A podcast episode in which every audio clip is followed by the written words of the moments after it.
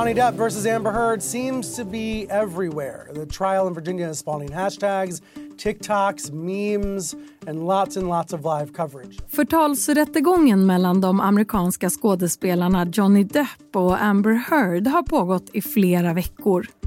Båda anklagar varandra för våld och trakasserier i ett dramatiskt rättsfall där skådespelarnas privatliv fläks ut inför öppen ridå. I dagens Studio DN om fallet Depp Heard om varför livesända rättegångar lockar miljontals tittare världen över. Välkommen, jag heter Ylke Holago. Och jag säger välkommen till Jenny Nyman, reporter här på Dagens Nyheter. Hej! Hej, hej. Vi ska börja med att höra ett kort klipp från rättssalen och den här uppmärksammade rättegången. Och vi vill också varna känsliga lyssnare för en kort beskrivning som kommer här av ett övergrepp. I just saw his arm. I could feel his arm moving, and I, it looked like he was punching me. It didn't. It, it didn't happen. I, I've never struck Miss Heard. Um, I've never struck a woman. Ja, här hörde vi två olika delar av Amber Heards och därefter Johnny Depps vittnesmål. Och för tydlighetens skull så pratar de i det här exemplet inte om samma incident. Och vi ska också lägga till att båda nekar till alla anklagelser i det här rättsfallet. Jenny, du har ju skrivit om det här fallet i Dagens Nyheter. Vad handlar rättegången om? Jo, men det här är ju en eh, pågående förtalsrättegång eh, och den äger rum i Fairfax i eh, den amerikanska delstaten Virginia. Då. Den har pågått i tre veckor nu eh, och grunden är helt enkelt att, eller helt enkelt, det är en ganska komplicerad grund tänkte jag säga, men det var så att Amber Heard skrev en debattartikel eller en eh, opinionstext som publicerades i Washington Post där hon eh, hävdade eller mm, sa att hon hade upplevt våld i nära relation. Och även om hon då inte pekar ut Johnny Depp eh, med namn i den artikeln så hävdar han då att det, det, är implicit att det handlar om honom eftersom deras uppbrott blev så publikt och de anklagelser som kom upp då var så publika. Så han stämde helt enkelt henne för eh, förtal då efter den här debattartikeln och krävde 50 miljoner dollar. Och det här svarade hon på genom att stämma honom tillbaks eh, och vill då istället ha 100 miljoner eller upp till 100 miljoner dollar för att han då har iscensatt någon form av eh, smutskastningskampanj mot henne och hävdade att hon ljuger om de här anklagelserna. Så det är grunden till rättegången. Ehm, och det har ju verkligen uppkommit många detaljer. Eh, det är anklagelser och historier om eh, missbruk, om våld, om sexuellt våld och trakasserier. Man har fått höra vittnesmål som det vi hörde här i början. De har också visat videos från eh, bråk och eh, liknande mellan paret eller exparet. Man har fått liksom på inspelningar ta del av sms-konversationer mellan bland annat Johnny Depp och vänner till honom. Eh, så det har varit många eh, ganska ibland brutala detaljer som har framkommit under de här vittnesmålen som man har fått höra.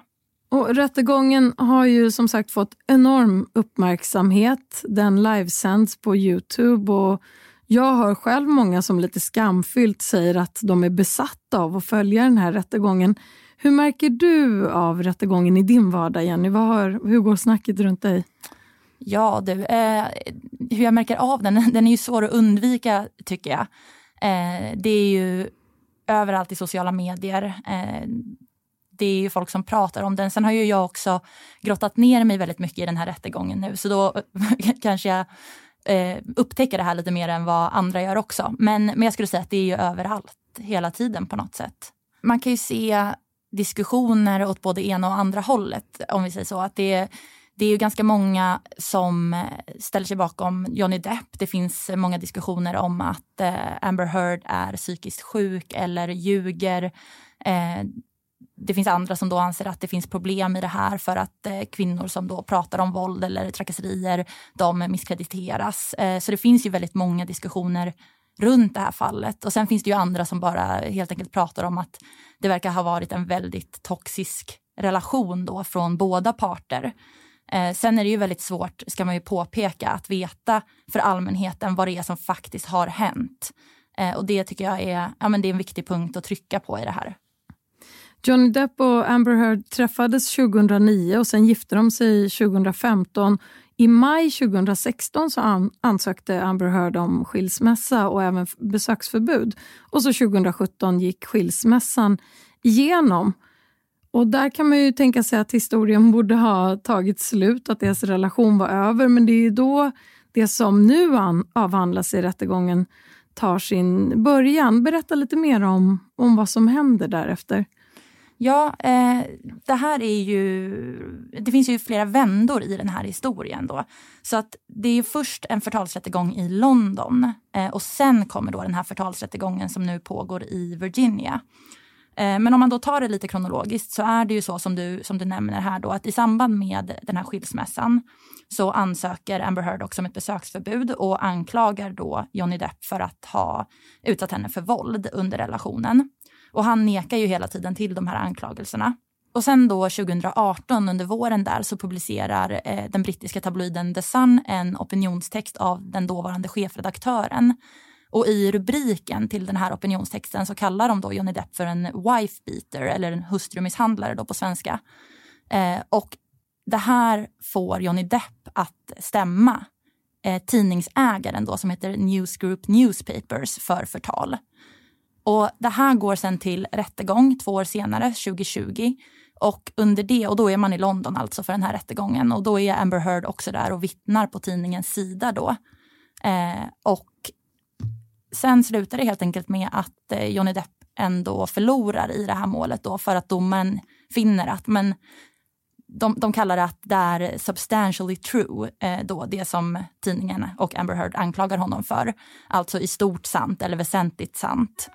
Eh, så att han går ju förlorande därifrån. Eh, men parallellt med det här så har då den här opinionstexten i Washington Post också publicerats. Det var också 2018.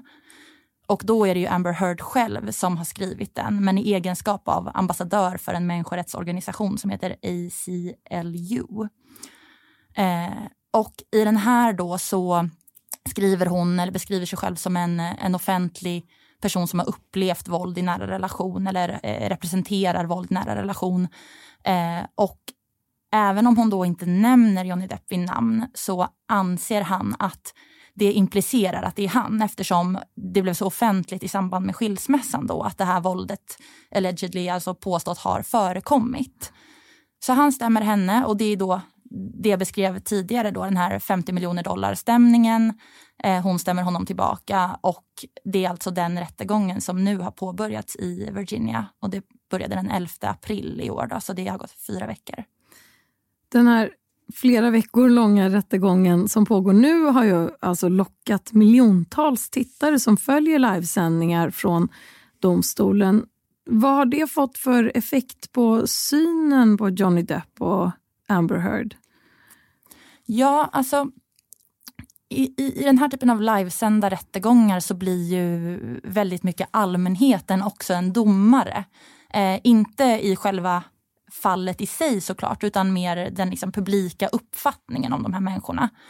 Eh, och det är ganska många som har sagt det här före mig, men han har ju, Johnny Depp alltså har ju på många sätt vunnit slaget om internet. Ehm, det finns ett väldigt stort stöd för honom i sociala medier, på TikTok framför allt. Så eh, samlas man under hashtags som eh, Justice for Johnny Depp, alltså rättvisa för Johnny Depp och andra typer av hashtags då. Ehm, och ja, hur, hur ska man beskriva det här? Det är ju många som menar att hon ljuger, man, man försöker dissekera nästan hur Amber Heard uttrycker sig och för sig i rättssalen och man, man tittar på, ja, bland annat så har man ju då påstått att hon eh, har plagierat repliker från filmer som The Talented Mr Ripley, vilket ju också har ifrågasatts att hon skulle ha gjort. Eh, Ja, men man har också ifrågasatt om eh, olika sminkprodukter fanns i produktion ens när hon påstår att hon ska ha täckt över sår i ansiktet med dem. Så det finns eh, ja, ett väldigt stort stöd för Johnny Depp helt enkelt. Och den här rättegången har ju också väckt en debatt om våld i nära relationer och om hur mäns respektive kvinnors vittnesmål uppfattas och tolkas olika. Vilka olika positioner finns i den debatten? Ja, alltså den ena positionen, om man ska kalla det det, är ju kanske det här som jag just beskrev med hur internet har mobiliserat sig nästan. Eh, det ska väl tilläggas att det finns ju stöd för Amber Heard också. Det är inte bara eh, folk som är på Johnny Depps sida, men, men det är ju ganska många då som backar upp honom. Och så, så den positionen är ju mer då det här att hon skulle vara psykiskt sjuk, att hon eh, är den som då är förövaren, att hon eh, ljuger, att hon är ute efter hans pengar, eh, liknande resonemang där.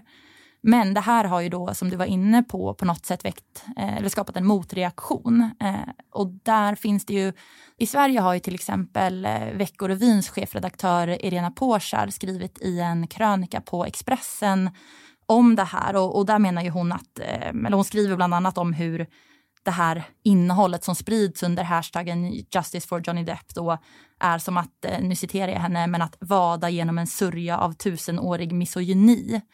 Eh, och det finns ju andra som också ställer sig bakom det här då och menar att det, det spär på den här tystnadskulturen som kan finnas kring eh, sexuellt våld eller våld mot kvinnor. Eh, där har ju även eh, Maria Sveland, eh, journalist och författare, skrivit ett inlägg på Instagram. Eh, och det var ganska tidigt under rättegången, kanske så en och en halv vecka in ungefär, där hon just pekade på att ja, men, det är sorgligt att man kanske skräms som kvinna till tystnad på grund av det motstånd som, som då eh, finns mot Amber Heard i det här. Båda hävdar att de har förlorat skådespelaruppdrag på grund av det här. Hur har det här påverkat deras möjligheter till en fortsatt eh, karriär? Johnny Depp hävdar ju, och det är också en del i den här bevisföringen då nu i den pågående förtalsrättegången, att han har blivit av med roller på grund av bland annat eh, den här opinionstexten som Amber Heard skrev för Washington Post. Eh, och därför är det svårt att uttala sig om exakt vad som är grunden till att han blev av med rollerna. Men man kan ju konstatera i alla fall att han då eh, dels eh, har blivit av med rollen som eh, trollkarlen Grindelwald i den uppföljande fantastiska vidunderfilmen som handlar om Harry Potters värld. Och han har också blivit av med rollen som sjörövaren Jack Sparrow i Pirates of, of the Caribbean-filmen då som skulle spelas in här eh, och ersatts men eh, om man tittar på Amber Heard istället så Ehm, är det ju ganska många av Johnny Depps fans som vill åtminstone att hon ska bli av med rollen i den uppföljande Aquaman-filmen där hon ju spelade då i den första av dem som spelades in 2018. Eller hade premiär då åtminstone. Eh, och det är en namninsamling, och jag vet faktiskt inte exakt hur många underskrifter den är uppe i nu. Men det var åtminstone tre miljoner vid något tillfälle här som då ville just att hon skulle bli av med den här eh, rollen i Aquaman. Det här är inte den första rättegången som livesänds och väcker enormt intresse. Vilka andra stora rättegångar har gjort så här stort avtryck tidigare? Ja, men det finns ju några genom historien som ju verkligen har eh, ja, men lämnat sitt avtryck. Och en av de första man kommer att tänka på är ju såklart eh, O.J. Simpson-rättegången i mitten av 90-talet där alltså den amerikanska fotbollsstjärnan då som eh, anklagades för att ha mördat sin exfru och hennes vän. Och den här eh, fick ju verkligen ett massivt genomslag. Det var ju miljontals och åter miljontals människor som följde rättegången live. Men ja, en, en kul detalj där är ju också att det var mm, en, en man som heter Robert Kardashian som alltså är pappa till eh, reality-tv-stjärnan Kim Kardashian och flera av hennes syskon då också som var försvarare i den rättegången. Då. Ja, men så det är väl en sån stor rättegång som har lämnat avtryck i, eh, i den kulturella och rättsliga historien. Eh, men sen så var det faktiskt så att redan på 70-talet, slutet av 70-talet så livesändes eh, seriemördaren Ted Bundys rättegång. Och det eh, är ju en, den första, om jag har förstått det rätt, eh, rättegången som sändes på nationell tv i USA. Men det här fenomenet det är ju framförallt utbrett i USA och sen så har ju eh, sändningarna så att säga färdats över världen också, framförallt då i modern tid. Men även i Sverige så finns det ju exempel på rättegångar som har väckt väldigt stort eh, intresse, bland annat då mot Vårbynätverket där vi har eh, stora kända rappare som stod eh, eh, anklagade också. Och det här sker ju i en tid när det snabbt går att få ut det innehållet, till exempel via sociala medier. Vad tycker du att det här intresset säger om vår samtid? Men det är väl klart att man kan resonera kring vad det säger om vår samtid. Jag har sett att flera har jämfört det med ja, men det här stora intresset som finns för true crime-serier eh, och poddar. Eh, att man vill grotta ner sig i de här eh, ganska sensationella historierna och att det blir ganska um, om man, if you will, liksom endimensionellt. Att det är verkligen det här, liksom den mot den. Vad är det som har hänt? Man får eh, detaljer från deras privatliv som, eh, som annars inte hade kommit till ytan. Eh, så, så, det kan säkert vara en av de orsakerna till att det här får en sån spridning i, idag. Men sen så finns det också en debatt också kring eh, huruvida det här är bra eller inte. Som det ju finns med det mesta tänkte jag säga. Men de som är emot eh, att det här ska, att det ska finnas livesända rättegångar, de menar ju bland annat att eh, det påverkar eller det kan påverka hur folk uttrycker sig inne i rättssalen, att det kan bli eh, teatraliskt, att det påverkar på det sättet. Eh, medan förespråkarna bland annat säger då att men det här ökar ju transparensen i rättssystemet. Och det finns ju även experter som menar att just de här två parternas eh, skådespelartalang också spelar in och gör det svårt för juryn att bedöma sanningshalten i, i det de säger. Vi ska börja avrunda, men Jenny, hur, hur kommer det här att sluta? Utöver själva rättsfallet, vem vinner PR-kriget som ju faktiskt också pågår som en, eh, vid sidan om hela rättegången? Mm. Ja men eh, hur det kommer sluta rent rättsligt så kan, det kan jag inte säga någonting om alls egentligen. Det är fortfarande flera veckor kvar innan de avslutande argumenten och sen ska ju då juryn eh, ta ställning till de här bevisen som har lagts fram. Men utifrån någon form av då PR-perspektiv eller liksom, eh, renomméperspektiv eh, så är det ju ganska svårt att se att någon går väldigt vinnande ur det. Eh, det är ju verkligen då ett deras privatliv har blottats och man har fått reda på alla de här detaljerna eller de påstådda detaljerna åtminstone eh, kring de här våldshandlingarna. Man har fått höra inspelningar från bråk, man har fått se videos från bråk, man har fått läsa eh, sms med ganska grova anklagelser. Eh, och det var, jag, jag, pratade, eller jag hade kontakt med en kvinna som är som jobbar på en internationell advokatbyrå som heter Withers eh, och hon heter Amber Melville Brown. Och jag tyckte att hon, hon sa det ganska bra då att liksom Johnny Depp även säger att han skulle gå vinnande rättsligt ur det här så har ju han fortfarande förlusten i The Sun-målet med sig. Och om hans rykte kan då, eh, vad ska man säga, åtgärdas eller byggas upp igen, det, det är ju svårt att veta. Men han har ju hela tiden det här med sig, alla de här anklagelserna och att han en gång då faktiskt har förlorat i ett motsvarande eller ett eh, liknande mål. Eh, men sen finns det ju då också den här stora internetmobiliseringen mot Amber Heard och där det finns många som då väljer hans argument framför hennes och väljer att tro på dem. Eh, så att det är ganska Ja, just att det blir så publikt och att alla får eh, kliva in i det här gör det ju svårt att se eh, hur det kommer sluta eftersom bådas rykten på något sätt är ganska ja, men, dragna i smutsen då. Ja, vi får se hur det går i det här rättsfallet. För den här gången så säger jag tack så mycket Jenny Nyman, du är reporter här på Dagens Nyheter. Tack. Om du vill kontakta oss så går det bra att mejla till studiodn dn.se. Och kom ihåg att prenumerera på Studio DN där du lyssnar på poddar så missar du inga avsnitt. Studio DN görs för Podplay av producent Palmira Kokare Menga. Ljudtekniker Patrik Miesenberger, teknik Oliver Bergman på Bauer Media och jag heter Ylke Holago.